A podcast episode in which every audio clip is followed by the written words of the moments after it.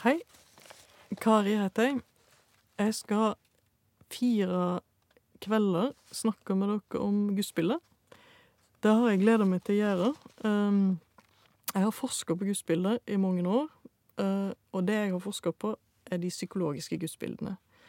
Uh, og det er uh, på en måte en litt annerledes måte å nærme seg forståelsen av Gud på. Det tok meg litt tid å venne meg til det. Og det jeg skal snakke med dere om nå, er psykologiske gudsbilder av ulike typer. Uh, og skal, vi skal ha ulike innfallsvinkler til hva, hva gudsbildet er for noe. Uh, så den første kvelden, altså i kveld, så skal vi helt enkelt snakke om hva gudsbildet egentlig er for noe. Og så, neste gang, så skal vi snakke om forskjellen på det vi tenker om Gud, og det vi føler for Gud. Og så, den tredje kvelden, så skal vi snakke om sammenhengen mellom gudsbildet, sjølbildet og foreldrebildet. De tre er veldig tett sammenbundet, og jeg skal forklare noen av de psykologiske konsekvensene av det. Og den siste kvelden, den fjerde kvelden, da skal vi snakke om gudsbildet og de eksistensielle spørsmålene.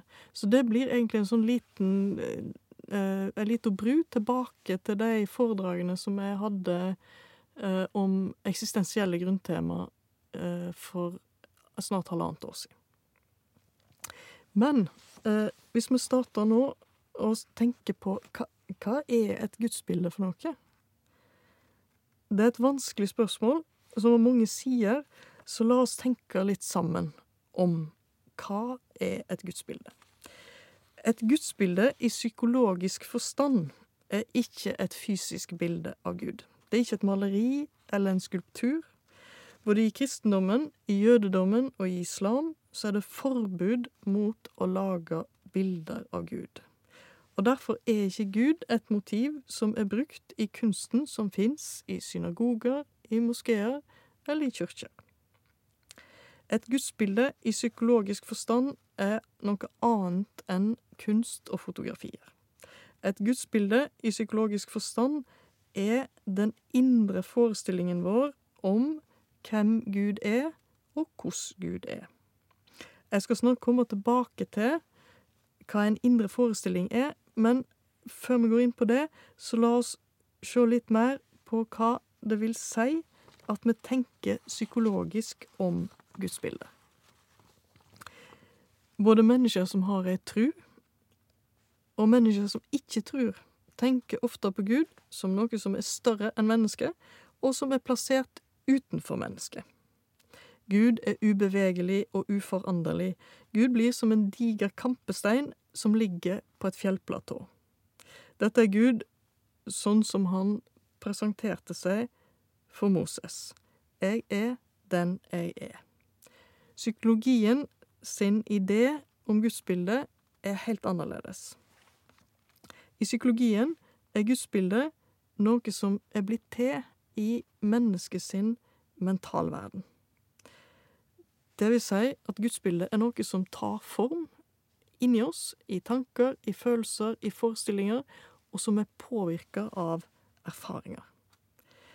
Det vi har erfart i relasjoner med mennesker, det vi føler og det vi tenker, gir materiale til en forestilling om Gud som bygger seg opp inni oss. Det psykologiske gudsbildet tar form i oss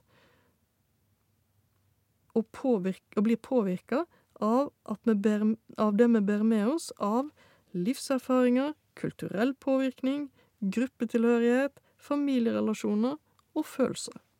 Det psykologiske gudsbildet er bevegelig og endringsbart. Når følelser, relasjoner, erfaringer, det å høre til og det å ikke høre til, alle de tingene der, når det påvirker oss gjennom livet, så setter det merker i gudsbildet vårt. Det former gudsbildet vårt. Ironisk nok så er forestillingen om den ubevegelige, uforanderlige Gud og faktisk et psykologisk gudsbilde. Disse tankene om gudsbildet viser vei til noen viktige forskjeller mellom teologi og psykologi. Psykologien kan gi vesentlige bidrag til å forstå hva tru skaper i mennesker, og hvorfor mennesker forholder seg til Gud på den ene eller den andre måten. Men psykologien kan ikke verken beskrive eller forklare et møte med en gud som er et handlende subjekt, altså det vil si en gud som henvender seg til mennesket, og som handler inn i menneskers liv. Psykologien beskriver mennesket sin relasjon til Gud, men er taus om Guds relasjon til mennesket. Psykologien tegner ei skisse av hvordan gudsrelasjonen utvikler seg i et enkeltindivid sin indre verden, uten å forholde seg til om Gud eksisterer eller ikke. Teologien derimot forutsetter at Gud er et selvstendig subjekt som kan henvende seg til mennesket. Psykologien tegner skisser av hvordan gudsrelasjonen utvikler seg i et enkeltindivid sin indre verden, mens teologien forholder seg òg til Gud som fins, og som kan henvende seg til mennesket. Litt sånn oppsummert så kan du si at i psykologien så er mennesket skaper av et gudsbilde, men i teologien så er mennesket i tillegg skapt i gudsbildet. Betyr dette at det er en motsetning mellom psykologiens og teologiens gudsbilde? Jeg tror ikke det. Eller det trenger iallfall ikke å være det. For mennesker som har et tru, kan det kjennes uvant å utforske gudsbildet med psykologiske briller. Når jeg har vært med å utforske gudsbilder i psykoterapi, så har det noen ganger kjent, kjent veldig uvant for den som går i terapi, å utforske gudsbildet, og, eller forholdet til Gud, eller forestillingen om Gud, på den måten som vi gjør i terapi. Men eh, med psykologiens utgangspunkt så fokuserer en på hvordan Gud føles, og hvorfor Gud føles på den ene eller den andre måten. Eh, hvis vi skal komme nærmere hvordan Gud føler eh, Hvis vi kan komme nærmere hvordan Gud føles, og hvorfor Gud føles på en bestemt måte, så vil det kunne gjøre trua mer levende og sann, eller det kan føre til at ei tru går tapt og heller ikke blir erstatta av ei endra tru. Men i begge de to tilfellene så det mennesket det gjelder, kommet nærmere seg sjøl. Hvem tenker jeg at Gud er? Hvordan forestiller jeg meg at Gud er? Hvilket forhold opplever jeg at jeg har til Gud? Hvordan opplever jeg at relasjonen mellom Gud og meg er? Hvordan føles Gud? Hvilke følelser kommer når jeg tenker på Gud? Legg merke til ordene som blir brukt her. Tenke, forestille meg, oppleve, føles. Alt dette er ord som er knytta til mentale prosesser som pågår i et menneske. Disse ordene definerer ikke hvordan noe er, men det beskriver i stedet mennesker sine følelser og opplevelser. Svarene vi har eller ikke har på spørsmål om følelser og opplevelser knytta til Gud, vokser ut av de forestillingene vi har om Gud. Så la oss se litt nærmere på hva en forestilling er. Jeg har brukt det ordet mange ganger allerede, så hva er det egentlig? Eh, hva vil det si at vi forestiller oss noe, og hva er en forestilling? Sånn som ordet forestilling blir brukt i psykologien, er det retta mot det vi tenker om hvordan noe er. Ei annen viktig side ved forestillinger er at de vekker følelser. Det er tette forbindelser mellom forestillingene våre og følelsene våre. Det siste kommer jeg tilbake til, men la oss se nærmere på hva en forestilling egentlig er. Forestilling er et ord som òg kan brukes om et teaterstykke. Vi kan tenke oss at vi alle er regissører som setter opp en indre teaterforestilling. Det indre teatret blir en forestillingsmodell av den verden vi lever i. Og det gjør vi helt automatisk av oss sjøl. Så lager vi forestillingsmodeller for å hjelpe oss sjøl å håndtere den verden vi lever i. alt som kommer inn gjennom sansene våre, blir på Alt som kommer inn gjennom sansene våre, eh, det påvirker denne indre teaterforestillingen uten at vi tenker over det. Vi har sjøl ei rolle i vår egen indre teaterforestilling. De menneskene vi omgir oss med, får roller i vår indre teaterforestilling, og Gud har ei rolle. Og Gud har faktisk ei rolle, enten mennesket tror på Gud eller ikke. For hvis du lever i en kultur som påvirker deg til å tenke at fenomenet Gud fins, så vil det påvirke din indre verden. Men det vil påvirke din indre verden på en annen måte enn hvis du er et menneske som har ei tru, og som lever i en truspraksis, og som praktiserer den trua. Det er to forskjellige ting, men forestillingen om Gud fins der. Så Gud har ei rolle i den indre teaterforestillingen. Denne tanken om en indre teaterforestilling kan være til hjelp når jeg, som er påvirka av det jeg ser, skal snakke med dere som ikke ser om gudsbilder. Et bilde er jo i utgangspunktet noe vi ser, men i overført betydning er et bilde en forestilling. Altså tanker om eh, noe om hvordan noe er. Tanker og følelser knytta til hvordan noe er. Da blir et bilde tanker og ideer som former det som foregår på den indre teaterscenen. Og det er jo noe annet enn et fysisk bilde. Det er vår forståelse, vår forestilling, vår opplevelse av det som fins i verden rundt oss. Så gudsbildet blir da vår forestilling, vår opplevelse, våre tanker og våre følelser knytter til Gud. Et bilde blir på denne måten her tanker og ideer som former det som foregår på den indre teaterscenen. Vår egen rolle i den indre teaterforestillingen er sjølbildet vårt. Den rollen Gud har, er gudsbildet. De rollene vi gir til andre mennesker, eller de rollene andre mennesker tar, er bygd opp av de indre bildene vi har av dem. Foreldrebilder er forestillingene vi har om foreldrene våre. Og i det tredje foredraget så skal jeg snakke mye om denne sammenhengen mellom gudsbildet, sjølbildet og foreldrebildet. For når de tre opptrer sammen på den indre teaterscenen, så påvirker de hverandre veldig sterkt. Det er et tydelig liksom, pågående eh, samspill mellom dem. Hvis den ene av dem endrer seg, så endrer de andre to seg òg. Så det er viktig å ha et blikk for hvordan gudsbilder, sjølbilder og foreldrebilder opptrer på den indre teaterscenen. Men hvorfor har vi egentlig en indre teaterscene? Det er et vanskelig spørsmål. Men det er faktisk mulig å svare enkelt på det vanskelige spørsmålet. Jeg tror at vi har en indre teaterscene fordi vi kan. Vi kan lage forestillinger. Vi har det psykologiske apparatet som skal til for å tolke og prøve å forstå det dypereliggende innholdet i det vi opplever. Fordi som mennesker så er vi veldig klar over at det ligger ting bak det som skjer mellom mennesker. Det skjer av en grunn, det ligger noe bakom som ikke er som umiddelbart tilgjengelig i de prosessene som skjer mellom oss.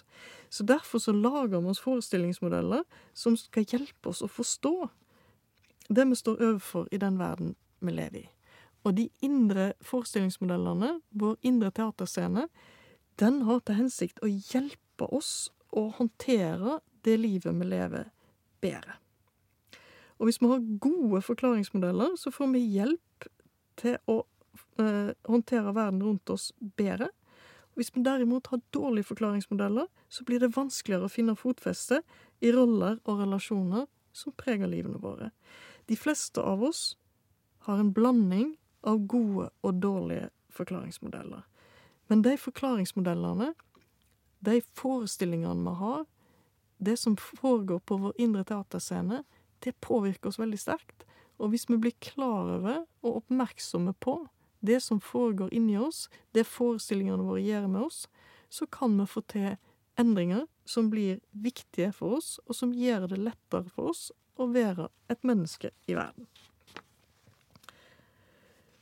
Det som skjer på den indre teaterscenen påvirker hvordan vi opptrer i livet vårt når vi er sammen med menneskene rundt oss.